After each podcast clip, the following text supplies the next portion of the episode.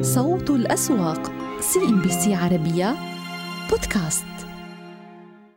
ومشاهدينا بالنسبة لي إذن الأسواق الإماراتية هي أولى جلسات التداول بالنسبة لهذا الأسبوع. السيد طلال توقان رئيس الاستثمار في BHM Capital للخدمات المالية ينضم إلينا. آه، سيد طلال أهلا ومرحبا بك معنا. يعني دعني أبدأ معك من سمة بتنا. يعني عم نشوفها بشكل متكرر بالنسبة لسوق دبي المالي وهو ضعف مستويات السيولة. يعني آه، المستويات ما عم تتجاوز حتى مستويات ال 200 مليون درهم. وهو أمر يعني ربما مستغرب وخصوصا بأنه كان لدينا طروحات أولية وإذا ما قارنا ما بين أداء سوق دبي من ناحية السيوله وسوق أبو ظبي بنلاحظ بأنه في فروق في هذه آه، في هذا الأداء، كيف نفسر اليوم برأيك الضعف الذي شهدناه بالنسبة لمستويات السيوله لسوق دبي على مدى جلسات متتالية؟ يعطيك العافية واهلا وسهلا فيك هلا طبعا بداية تركيبة أحجام التداول تختلف في سوق دبي عن سوق أبو ظبي وأيضا طريقة تعامل المؤسسات الأجنبية في التداول عليه مختلفة، طبعا سوق أبو ظبي يختلف أيضا في التركيب القطاعي وعمليات التداول تعتمد أكثر على طبعا على جزء من المؤسسات الأجنبية ولكن من ناحية محلية وكبار المستثمرين وأيضا المتداولين أصبح هناك نوعا ما توجه أكثر للتركيز على اسهم ابو ظبي، بالنسبة للسوق دبي طبعا في عوامل عدة، اولا هي انخفاض نشاط التداول نتيجة لانخفاض معدلات الدوران واللي يعني جاءت خاصة بعد سلسلة متتالية. يعني آخر كم من اكتتاب تم إدراجهم هلأ عادة الاكتتابات تساهم في نشاط التداول.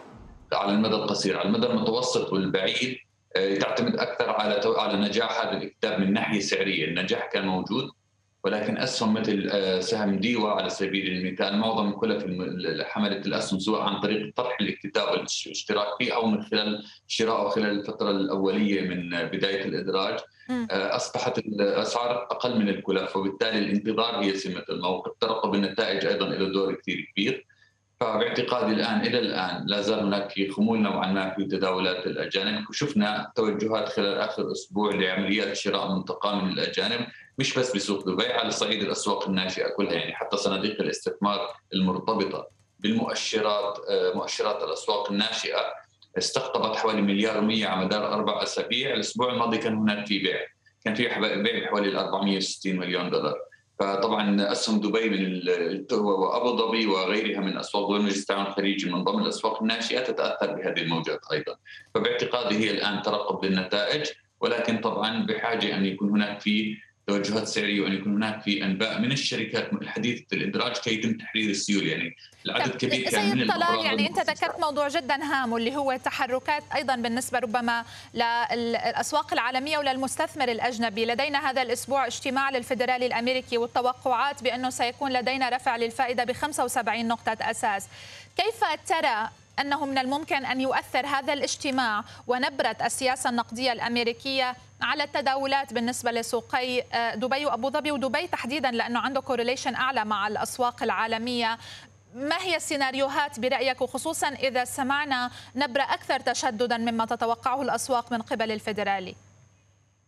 يعني طبعا هي مثل ما أنت ذكرتي المهم هي نبرة التشدد وإذا كان هناك مفاجأة هذا اللي بيأثر. الأسواق تنتظر ما بين 75 نقطة أساس. ولكن فئة قليلة طبعا آه، تتوقع حوالي 50 نقطة أساس وفئة أقل تتوقع أن يكون هناك نقطة مئوية كاملة. ولكن التأثير على المدى القصير هو عنصر المفاجأة، على المدى المتوسط والبعيد نتائج الشركات تتأثر بشكل كبير خاصة إنه صار إلى الآن حوالي 200 نقطة أساس يعني 2% من ارتفاع أسعار الأقراض ما بين البنوك، البنوك تستفيد الشركات المقترضة والتي اعتمدت على التسهيلات وإصدار السندات ستتأثر سلبا. فعلى المدى القصير هو عنصر المفاجأة. وعنصر المفاجأة صعب ان نتنبا فيه. الآن ولكن حتتحرك مع تحركات الأسواق الناشئة أكثر وسعر البترول له دور أكبر. فتأثر سعر البترول بهذا القرار سينعكس. إذا لم يتأثر سعر البترول نتيجة لعوامل أخرى سواء جيوسياسية أو اقتصادية التأثر يكون أقل.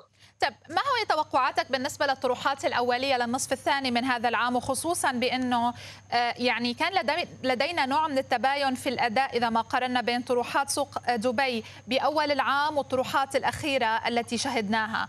آه، يعني تحديدا بالنسبة لتعاونية الاتحاد والإدراج المباشر الذي شهدناه. هل تعتقد بأنه إذا ما سمعنا نبرة أكثر تشددا من الفدرالي قد تقوم الشركات بتأجيل خطتها للإدراج للإدراج وللطرح الأولي يعني بسبب أن الأسواق قد تكون معرضة للمزيد من التقلبات وهذا سيؤثر على معنويات المستثمرين. هلا من ناحية مالية هياكل رؤوس اموال الشركات بالعكس لما يصير في ارتفاع أسعار الفوائد كلفه الديون ترتفع فبيصير في لجوء أكثر إلى أدوات حقوق المساهمين الخاصه الأسهم. بس هون بيجي عوامل مشتركة. يعني إذا الأسواق أصبح أدائها سيء والتقييمات أقل وتأثرت سلبا يعني من الصعب يعني كلفة المساهمين أيضا ترتفع وبالتالي ما بتصير مجدية بالنسبة للشركات، فهون في مزيج من العوامل الاقتصادية نتائج الشركات بس باعتقادي أن دول مجلس التعاون الخليجي أن تبقى على على صدارة قائمة بصدارة قائمة الدول التي تستقطب الطروحات القويه والسبب أن هناك عوامل اقتصادية مرحلة تعافي قوية جدا آه، مقبلين على على مرحلة من استضافة كأس العالم في قطر. تجعل من قطاعات معينة خاصة قطاع المواصلات والطيران وأيضا قطاع الضيافة. بنسبة إشغال عالية جدا. فهي الشركات التي تنتمي لهذه القطاعات حيكون عليها إقبال. بس هي مزيج. بس من ناحية إقبال الشركات هي كل ما ازدادت اسعار الفوائد الإقبال على أدوات الدين تنخفض وبالتالي يجب أن يكون هناك بديل لخفض كلفة رأس المال وهي أسواق الأسهم. ولكن لن يكون هناك بيصير التأجيل فقط إذا كان هناك فتور أو ضعف في أسواق رأس المال كي يتم تحصيل أفضل تقييمات. فبينتظروا لتحسن نتيجة لعوامل اقتصاديه أخرى. آه، سأعود إليك سيد طلال. فقط أذكر بسهم إشراق للاستثمار لأنه كان لدينا عدد من الأخبار التي راقبناها. النتائج النصف الأول كان عندنا تراجع بالأرباح ب 59% وخسائر متراكمة بأكثر من مليار درهم تشكل 44% من رأس المال. وأيضا الإعلان عن قرب الانتهاء من عملية الاستحواذ على صندوق جولدي لوكس لو فقط نلقي نظرة على إغلاق السهم بالنسبة لجلسة اليوم بالنسبة لسهم إشراق للاستثمار المدرج في سوق أبو ظبي في ظل هذه الأخبار لأنه يعني اليوم عمليا لم يكن لدينا الكثير من الأخبار من قبل الشركات. هذا إلى حد كبير كان الإفصاح الوحيد الذي كنا قد سمعناه. من بداية الشهر هذا هو آه، الأداء ولكن أعتقد بأنه آه، الأرقام بحاجة إلى بعض التحديث. على كل سأعود إلى التفاصيل بعد قليل. آه، سيد طلال ما هي النصيحة التي توجهها اليوم برأيك بالنسبة للمستثمر في الأسواق المحلية في ظل كل هذه البيئة الاقتصادية التي نواجهها؟ يعني هذا بشكل عام هي نصيحة اعتياديه في ظل مراحل الاقتصاد المرحلة الاقتصادية الحالية الابتعاد عن الشركات اللي آه، عليها مديونيات مرتفعة. دون ان يكون هناك نسب من التدفقات النقدية تغطي بس الأهم من هذا كله الاعتماد على يعني التركيز على القطاعات القطاعات التي تعتمد على استخراج المواد الأولية وتصديرها لأنه عادة بيئة تكسوها معدلات تضخم مرتفعة جدا، الشركات الصناعية المدخلات الإنتاج ترتفع، هوامش الارباح تنخفض، معظم القطاعات التي آه، تستفيد من ارتفاع التضخم هي قطاعات الصناعات الأولية وخاصة اللي لها علاقة في سواء قطاع زراعي، قطاع البتروكيماويات وقطاع نشاط التعدين. بس يعني هذا أيضا يعتمد من شركة لشركه في ظل ارتفاع أسعار الفوائد الشركات التي تقتني آه، ارصده نقدية عالية سوف تستفيد ولكن الشركات اللي عددها كبير استفادت من انخفاض أسعار الفائدة وأخذت قروض كبيرة قد تتأثر نتائجها خلال الربع القادم واللي والربع الأخير يعني خلال النصف الثاني كله من هذا العام يكون هناك نوعا ما آه، تراجع في هوامش الأرباح. شكرا جزيلا لك السيد طلال توقان رئيس الاستثمار في BHM Capital للخدمات المالية. لا. إذا بالنسبة لسهم إشراق للاستثمار اليوم أغلق السهم معنا على نوع من الارتفاعات الطفيفة جدا ولكن من بداية هذا العام سهم إشراق للاستثمار كان قد خسر أكثر من نقطتين وثلاثة أعشار النقطة المئوية. على كل مشاهدينا إلى فاصل قصير. بعد الفاصل نذكركم بإغلاق المؤشرات الكويتية ومؤشر بورصة قطر. قال الرئيس التنفيذي لمجموعة البنك التجاري القطري ل CNBC عربية بأن نمو القروض سيستمر بالنصف الثاني من هذا العام بنسبة 3 إلى 5% لأن معظم الدفع الخاص بالحكومة قد تم استكماله والبنك لديه قروض طويلة الأجل بمعدلات فائدة ثابتة. أعتقد أنه في الربع الثاني وفي النصف الأول من العام كان هناك آه، نموا ب 0.6% للنصف الأول و 0.2% في الربع الثاني. هذا بالطبع بسبب تراجع النظام المصرفي في قطر بصفة عامة بسبب أن الحكومة وبسبب المستقبلات الكبيرة من العوائد النفطية والتي أدت إلى التراجع في النظام المصرفي. إذا ما تحدثنا عن إعادة الدفع في الحكومة فقد كان النمو أكبر من ذلك. وطبعا فيما يتعلق بنمو القروض فإنه سيستمر في النصف الثاني من العام من 3 إلى 5% لأن معظم الدفع الخاص بالحكومي قد تم استكماله ولذلك فمخصصات أو النتائج في النصف الثاني ستكون أفضل. أن هوامش صافي الأرباح قد ارتفع ب 2.6% 2.8% وذلك لأننا كنا قادرين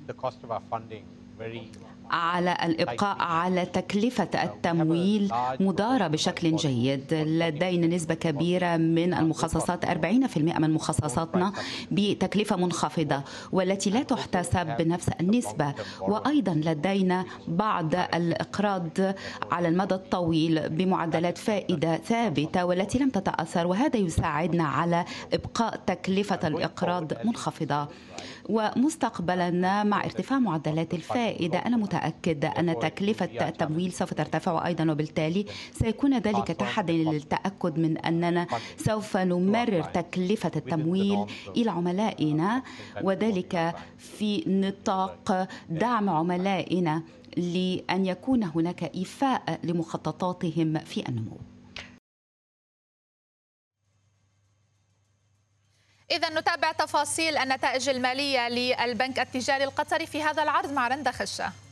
البنك التجاري القطري يحقق نتائج إيجابية خلال الربع الثاني من العام الجاري وكذلك النصف الأول من هذا العام. نقف على آخر الأرقام والتطورات التي رصدها البنك خلال هذه الفترة. نتحدث عن نمو الأرباح الفصلية بواحد في المئة لتصل إلى حدود 731 مليون ريال ولكن الأرباح نصف سنوية نمت بشكل أكبر بثمانية في المئة لتتجاوز بذلك المليار 400 مليون ريال قطري. آخر التطورات بالنسبة لأبرز البيانات الخاصة بالمصرف خلال هذه الفترة وخلال النصف الأول من العام 2022 نقف على هذه الأرقام والتطورات الأخرى بالنسبة للمؤشرات المالية للنصف الأول. نتحدث عن الدخل التشغيلي الذي نما بأكثر بقرابة الاثنى 12 في المئة. أرباح التشغيلية الأخرى كذلك نمت ب 16 في المئة. ما بالنسبة لصافي الإيرادات ب 10 في المئة. وكنا شاهدنا ارتفاع في صافي هامش الفائدة ب إلى 2.8 في المئة للأشهر الستة المنتهية في يونيو 2022 وتعزى ويعزى هذا الارتفاع إلى زيادة هوامش بشكل أساسي إلى إعادة تسعير الموجودات من جراء رفع لمعدلات الفائدة خلال الفترة الماضية. بالنسبة للبيانات الأخرى كذلك كنا شاهدنا على الرغم من تخصيص ورصد بعض المخصصات الحرة خلال الفترة القليلة الماضية إلى أن البنك حقق بعض الأرباح ونمو في الأرباح خلال الربع الثاني وكذلك النصف الأول. لا نزال نرصد هذه المخصصات وذلك من المخاوف والمتخصصات الحاذرة للتعثر من قبل المستثمرين داخل المصرف نتحدث عن نمو بأكثر من 20 في المئة بالنسبة لهذه المخصصات للقروض والسلف لتتجاوز ال 500 مليون ريال القروض والسلف للعملاء كذلك نمت ب 16 نقطة المئوية. أما بالنسبة لودائع العملاء فنمت ب 8.5 في المئة. نتحدث عن البيانات المنتهية بيونيو 2022 بالنسبة لنسبة كذلك شهدنا القروض المتعثرة التي نمت ب 4.5 في المئة في يونيو 2022 من 4.1 في المئة مقارنة مع العام الماضي والفترة ذاتها من العام الماضي. ونسبة تغطية القروض كذلك انخفضت إلى نسبة 103 في المئة بنهاية شهر يونيو من العام 2022 ولكن رغم هذه المخصصات إلى أن البنك حقق مكاسب نصف سنوية وكذلك في الربع الثاني من هذا العام. أبرز الأخبار التي نتابعها في البورصة الكويتية طبعا مع العلم بأن المكاسب كانت على المؤشرات الثلاث والأكبر كانت بالنسبة للمؤشر الرئيسي الذي ارتفع بواحد وعشري النقطة المئوية بينما الأول كان على ارتفاعات بثلاثة عشر نقطة المئوية. وكل الأنظار على بيتك. دعونا نلقي نظرة على التفاصيل وآخر الأخبار التي نراقبها بالنسبة لسهم بيتك. بداية السهم كان قد ارتفع بستة عشر نقطة المئوية في نهاية جلسة اليوم. لدينا مراقبة وترقب لنتائج التصويت على معدل التبادل للأسهم مع البنك الأهلي المتحد. لو فقط نلقي نظرة إذا على العمومية المرتقبة هي عمومية تاريخية ستكون للتصويت إذا على معامل تبادل الأسهم. بالإضافة لذلك سيكون لدينا تصويت على زيادة رأس المال بأكثر من 4.2 مليار سهم وتخصيصها لمساهمي البنك الأهلي المتحد والإدراج أيضا بالنسبة لبيت التمويل الكويتي في بورصة البحرين. صوت الأسواق CNBC عربية بودكاست. عموما السوق السعودي أيضا ما زلنا آه، عم نحتسب يمكن تحركات الأسواق العالمية بالنسبة للقرارات المتعلقة بالفدرالي الأمريكي مع نهاية هذا الأسبوع. تبقى المحافظ الأجنبية ضمن مراقبة هذه القرارات. السوق طبعا آه، كنا على عدة جلسات شهدنا عليه مكاسب عم يبتعد يمكن عن العوامل الخارجية لكن ما زال مرتبط بأسعار النفط بشكل واضح واللي ما زال عم يتداول على بعض التراجعات دون مستوى ال 103 دولار. مؤشر السوق السعودي إذا هذا من بداية الشهر عم نشهد عليه ارتفاعات قاربت 3 و16 النقطة المئوية. كنا أضفنا قرابة ال 400 نقطة ضمن هذه التحركات. أما من بداية العام السوق عم بيضيف قرابة ال 4% فقط يعني عم تفصلنا قرابة ال 100 نقطة مقارنة بهذا الشهر عن 542 نقطة ضمن هذه الارتفاعات بالنسبة للسوق. نسأل أستاذ محمد العمران رئيس المركز الخليجي للاستشارات المالية عن تحركات السوق خلال هذه الفترة. أهلا بك معنا أستاذ محمد وشكرا على وجودك. اليوم يعني آه، عدنا لنتراجع ونبتعد عن مستويات ال 12000 عم يخسر السوق قرابة ال 100 نقطة. هل هي تحركات حذرة برأيك يعني؟ آه، وعم تتراجع فيها عملية التمركز من جديد وتحديدا على القطاع المصرفي اللي ضاغط بسبب القرارات المرتبطة بالفدرالي؟ آه، بسم الله الرحمن الرحيم. يعني السوق بنى مسار صاعد بعد الهبوط اللي شهدناه على مدى أكثر من شهرين. هذا المسار الصاعد كسبنا فيه ألف نقطة تقريبا.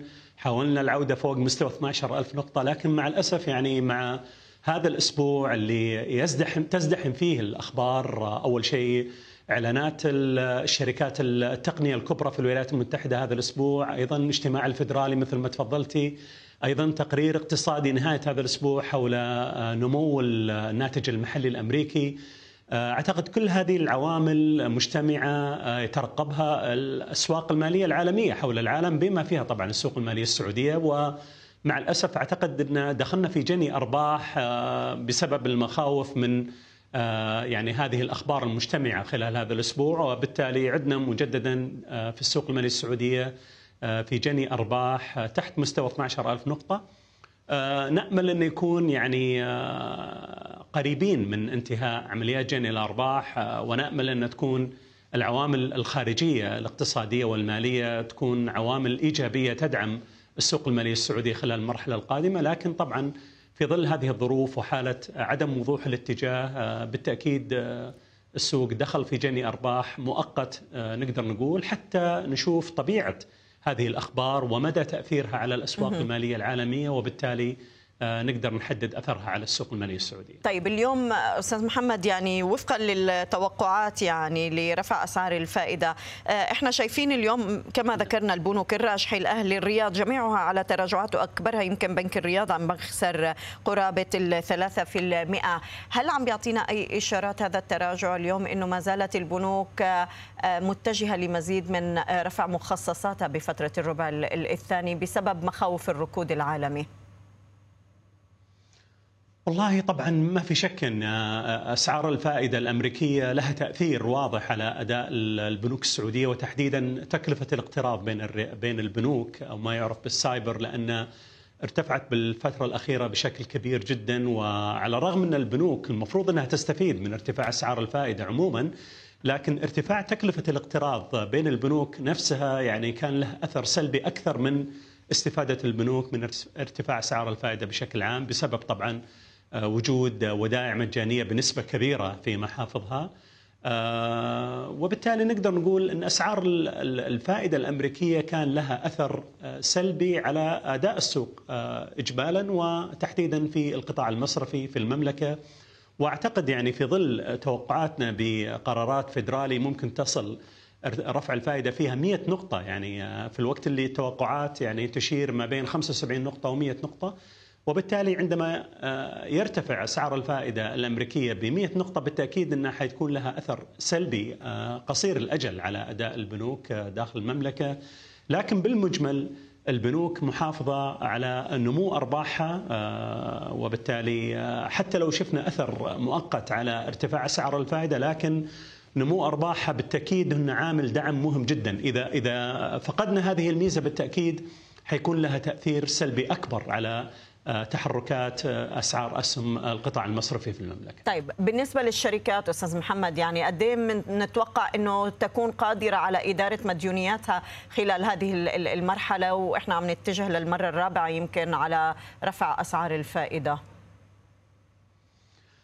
والله بالتأكيد يعني ما وجهة نظري لن تستقر تحركات أسعار الأسهم وبناء مسارات صاعدة إلا عندما تنتهي وتيرة رفع أسعار الفائدة نهائيا. وبالتالي يعني يحتاج الانتظار حتى نهاية هذا العام أو بداية العام القادم حتى نقول إن فعلا انتهينا.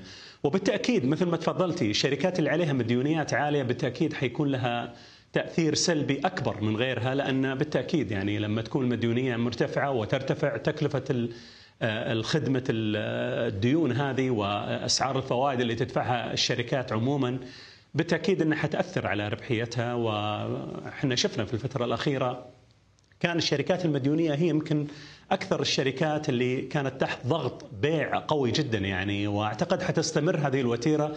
مثل ما ذكرت أنا قبل شوي إن إلى أن تنتهي وتيرة رفع أسعار الفائدة وعندها نعيد تقييم الأوضاع ونعيد احتساب آه، يعني تكلفة الاقتراض والفرص الموجودة وعندها نقدر نحدد وين الفرص بشكل محدد يعني كان بشركات يعني معينة أو إن كان بقطاعات معينة.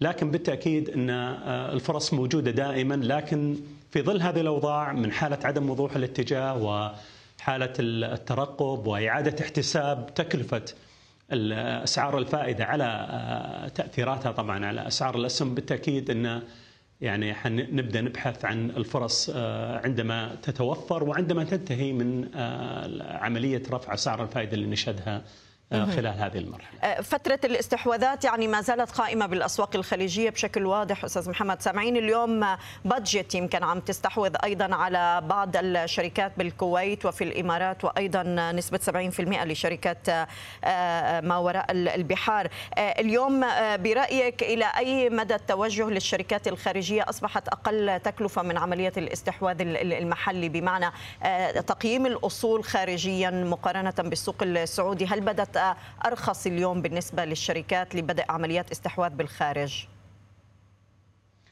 هو العوامل الاقتصادية الداخلية عموما آه، أكثر من رائعة. نمو أرباح الشركات نمو الاقتصادي انخفاض معدلات التضخم.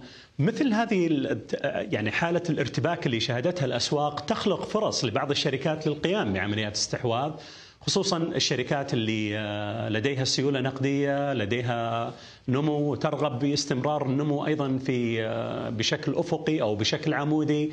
آه، مثل هذه الفرص بالتأكيد يعني تقتنصها بعض الشركات وتجد فرص في عمليات الاستحواذ أو حتى عمليات الاندماج إذا ما كان المؤشرات و دراسات الجدوى تشجع مثل هذا التوجه. ما زالت الفرص موجودة يعني كثيرا في قطاعات كثيرة داخل السوق المالية السعودية ومثل ما شفنا اليوم شركة بادجت وغيرها من الشركات تحدد ملامح للاستحواذ أو حتى الاندماج أعتقد توجه إيجابي في ظل الظروف الإيجابية أيضا الداخلية اللي تدعم التوجه في مثل هذا يعني الطريق نحو الاستحواذات أو حتى الاندماجات. نشكرك أستاذ محمد العمران رئيس المركز الخليجي للاستشارات المالية كنت معنا من الرياض. شكرا جزيلا لك. وحول تداولات المؤشرات المصرية وإغلاقاتها تنضم إلينا رانيا يعقوب رئيسة مجلس إدارة شركة ثري واي لتداول الأوراق المالية. رانيا أهلا بك معنا وشكرا على وجودك. آه، يعني واضح أنه نتائج البنك التجاري الدولي اليوم لم تعطي مفعولها بشكل واضح على السوق وحتى على السهم نفسه. بعد ما رأينا بعض المكاسب ارتفع فيها بداية التداولات عاد ليتراجع. لماذا لم يتفاعل السوق معها برأيك؟ مساء الخير واهلا بحضرتك. في الحقيقة السوق المصري مازال حتى الآن لم يجد المحفزات التي ينتظرها في ظل طلبات كثيرة من خبراء السوق والعاملين فيه والمستثمرين. وخلينا نقول النتائج اللي وصل ليها السوق هذه المحفزات مش بتعتمد على نتائج أعمال شركات. طبعا البنك التجاري الدولي أحد الأسهم القيادية ويعتبر الأهم في السوق المصري ولكن للأسف نتائج أعمال مش هي اللي هتكون المحفز اللي هت... اللي هتعيد الثقة وهترجع السيولة مرة أخرى للسوق المصري. السوق المصري محتاج معالجة، إحنا عندنا زي ما ذكرنا قبل كده مشاكل داخلية ودي موجودة في السوق المصري على مدار السنتين السابقتين قبل الأزمة الحالية وطبعا الأزمة الحالية فاصبح التاثير مضاعف. حتى لما أصبحت قيمة الأصول رخيصة. وشايفين طلبات استحواذ ولكن للأسف إحنا مش شايفين مشاركة حقيقية إحنا محتاجين نخلق طلب حقيقي في السوق المصري. والأمر ده يجب دراسته من جانب المسؤولين. لماذا لا يوجد طلب حقيقي؟ لماذا لا يوجد سيولة حقيقية؟ طبعا أنا شايفة في اجتماعات مع من جانب إدارة البورصة ومن جانب مجلس الوزراء مع مديري الصناديق المحلية. وده الأهم من وجهة نظري في هذه الفترة. إحنا محتاجين نزود مشاركة هذه الصناديق ولكن من وجهة نظري إن في جانب آخر للطلب وهذا الجانب هو جانب مهم جدا. طبيعة السوق المصري هو إن الأفراد هم اللي ليهم ال upper hand أو الجانب الأكبر على التعاملات. سيولة الأفراد هي سيولة مهمة جدا للسوق المصري. يجب إعادة الثقة للأفراد يجب وضع محفزات إزالة كل العوائق زي ضرائب الأرباح الرأسمالية يجب تشجيع الأفراد على العودة مرة أخرى للسوق. الأمر ده أمر هام جدا من وجهة نظري زيه زي ما بنهتم بالسيولة المؤسسية يجب أن نهتم بسيولة الأفراد. نعم. رانيا ال 70 يمكن عم بتفوق على مدار أكثر من جلسة يعني دخلنا الجلسة العاشرة على التوالي من هذا الصعود المستويات السعرية. برأيك اليوم للشركات المدرجة بال 70 هل ما زالت أقوى من حيث من حيث جاذبيتها بالنسبة للمستثمرين مقارنة بالقياديات هاي المرحلة؟ رغم إن إحنا بنتكلم على المحفزات ولكن أحيانا مع الهبوط العنيف اللي بنعاني منه على مدار أشهر طويلة أسعار الأسهم أو قيمة الأصول نفسها في وقت ما بتكون هي الحافز الأهم لجذب السيولة.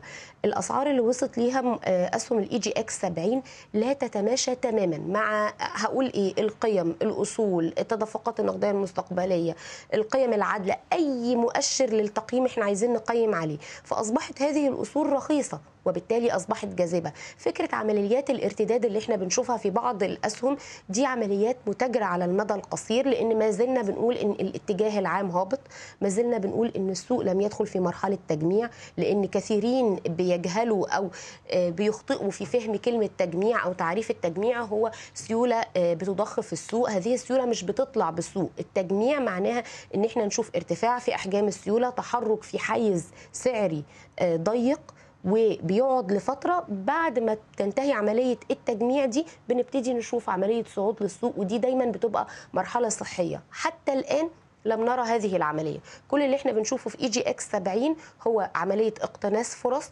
مضاربة على المدى القصير من جانب الأفراد. نعم. اليوم شايفين صفقة مثل يعني السويدي للإسمنت دخوله على قطاع الصحة مع سبيد ميديكال رانيا والاستحواذ يعني على نسبة عم تقترب من الواحد في المئة بل أقل يمكن 0.9% اليوم شفنا سهم سبيد ميديكال عم بيرتفع أعلى من السعر المقدم لهذه الصفقة 52 قرش بل أغلقنا عند 59 قرش. ما أهمية الصفقة اليوم لكلا الشركتين برأيك؟ من وجهة نظري هي فرصة استثمارية لشركة السويدي للأسمنت بالنسبة لسبيد ميديكال كون إن السعر في السوق يرتفع عن سعر الصفقة. ده بيبقى رد فعل لأن فعلا إن السعر اللي, متق... اللي تم تقديم الصفقة عليه هو سعر أقل بكثير من رؤية المساهمين. وأنا شايفة إن الفترة الحالية مجالس الإدارات عليها دور كبير جدا في الحفاظ على مصالح صغار المستثمرين وهي تعيين مستشارين ماليين مستقلين لتحديد القيم العادلة للشركات الشركات خاصة إن في كثير من عروض الاستحواذ بتتم زي مثلا ما حدث في مدينة نصر إن مجلس الإدارة شاف أنا من وجهة نظري شاف إن العرض المقدم أقل من القيمة للأصول وده كان ليه أثر إيجابي كبير جدا على قطاع الإسكان ورغم إن إحنا بنقول إحنا عندنا أزمة وركود في القطاع ولكن اعاد الثقة من جانب المستثمرين من جانب مساهمين الشركة في الشركة وقيمة أصولها. نعم طيب إحنا اليوم شفنا عودة التداول على أجواء يعني ردة الفعل اللي حدثت على السهم بعد البيان اللي شفناه من الهيئة بالأمس رانيا وتعويض المتضررين من هاي الصفقة اللي طال انتظارها برأيك هل هو يعتبر ترحيب اليوم بحجم التعويض اللي سيقدم للمتضررين؟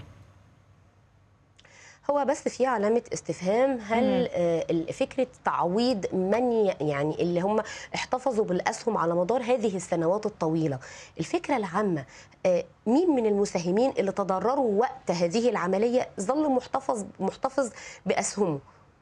الفكرة العامة إن إحنا طبيعي إن المستثمر في بعض المستثمرين هيكونوا باعوا لظروف لدخول في السوق في فرص أكثر إيجابية لطول فترة التقاضي لطول فترة الرد. فبالتالي يجب أن يتم تعويض المستثمرين اللي تضرروا في وقت تنفيذ هذه الفترة. فده أمر مهم بالنسبة لنا جدا. ما حدث اليوم من وجهة نظري هي عملية مضاربية لأن السهم منخفض والقطاع ككل عليه أخبار إيجابية. إحنا شايفين عمل عروض استحواذ على القطاع الغذائي وفي اهتمام من جانب المستثمرين. فأنا من وجهة نظري ما يحدث في أجواء من عمليات صعود أو ارتداد مش بس علشان الصفقة ولكن من جانب المستثمرين اللي بيشوفوا إعادة تقييم للقطاع علشان الطلبات الاستحواذ اللي عليه. نعم. أخيرا بيلتون يعني اليوم راح يكون الحاسم بالنسبة لأوراسكوم المالية رانيا على صفقة الاستحواذ من شيميرا الإماراتية على بيلتون. برأيك يعني حسب التصريحات اللي عم نسمعها حتى الآن أنه هي القيمة تعتبر عادلة وموفقة يمكن بالعرض المقدم على لجنة 48 قرش. لكن ما هو مصير تحركات سهم بيلتون بعد إتمام هاي الصفقة؟ برأيك ما هي المستويات القادمة؟ في الحقيقة دايما عروض الاستحواذ لما بتتم بالواقع أو على أرض الواقع دايما سعر العرض بيكون زي سقف بيحد تحركات السهم في البورصة فيما بعد. ودي يمكن التجربة اللي إحنا شفناها في عدة عروض استحواذ تمت إن سعر صفقة الاستحواذ أو سعر الصفقة هو ده يعتبر السقف دايما اللي السهم هيوصل ليه وهيقف عنده. لكن إذا حدثت تغيرات جوهرية بعد عملية الاستحواذ زي إن تم اضافه سيوله جديدة زي إن الشركة أضافت أنشطة زي إن الشركة حققت طفرة في نتائج أعمالها أكيد ده بيكون ليه رد فعل إيجابي ومش بيكون سعر الاستحواذ هو السعر المتحكم في تحركات السهم في البورصة. عموما السهم اليوم عم نغلق عند 71 يعني أعلى من السعر المقدم للعرض واللي كان عند لجنة 48 قرش. نشكرك رانيا يعقوب رئيسة مجلس إدارة شركة ثري واي لتداول الأوراق المالية. كنت معنا من القاهرة. شكرا لك. صوت الأسواق سي إم بي سي عربية بودكاست.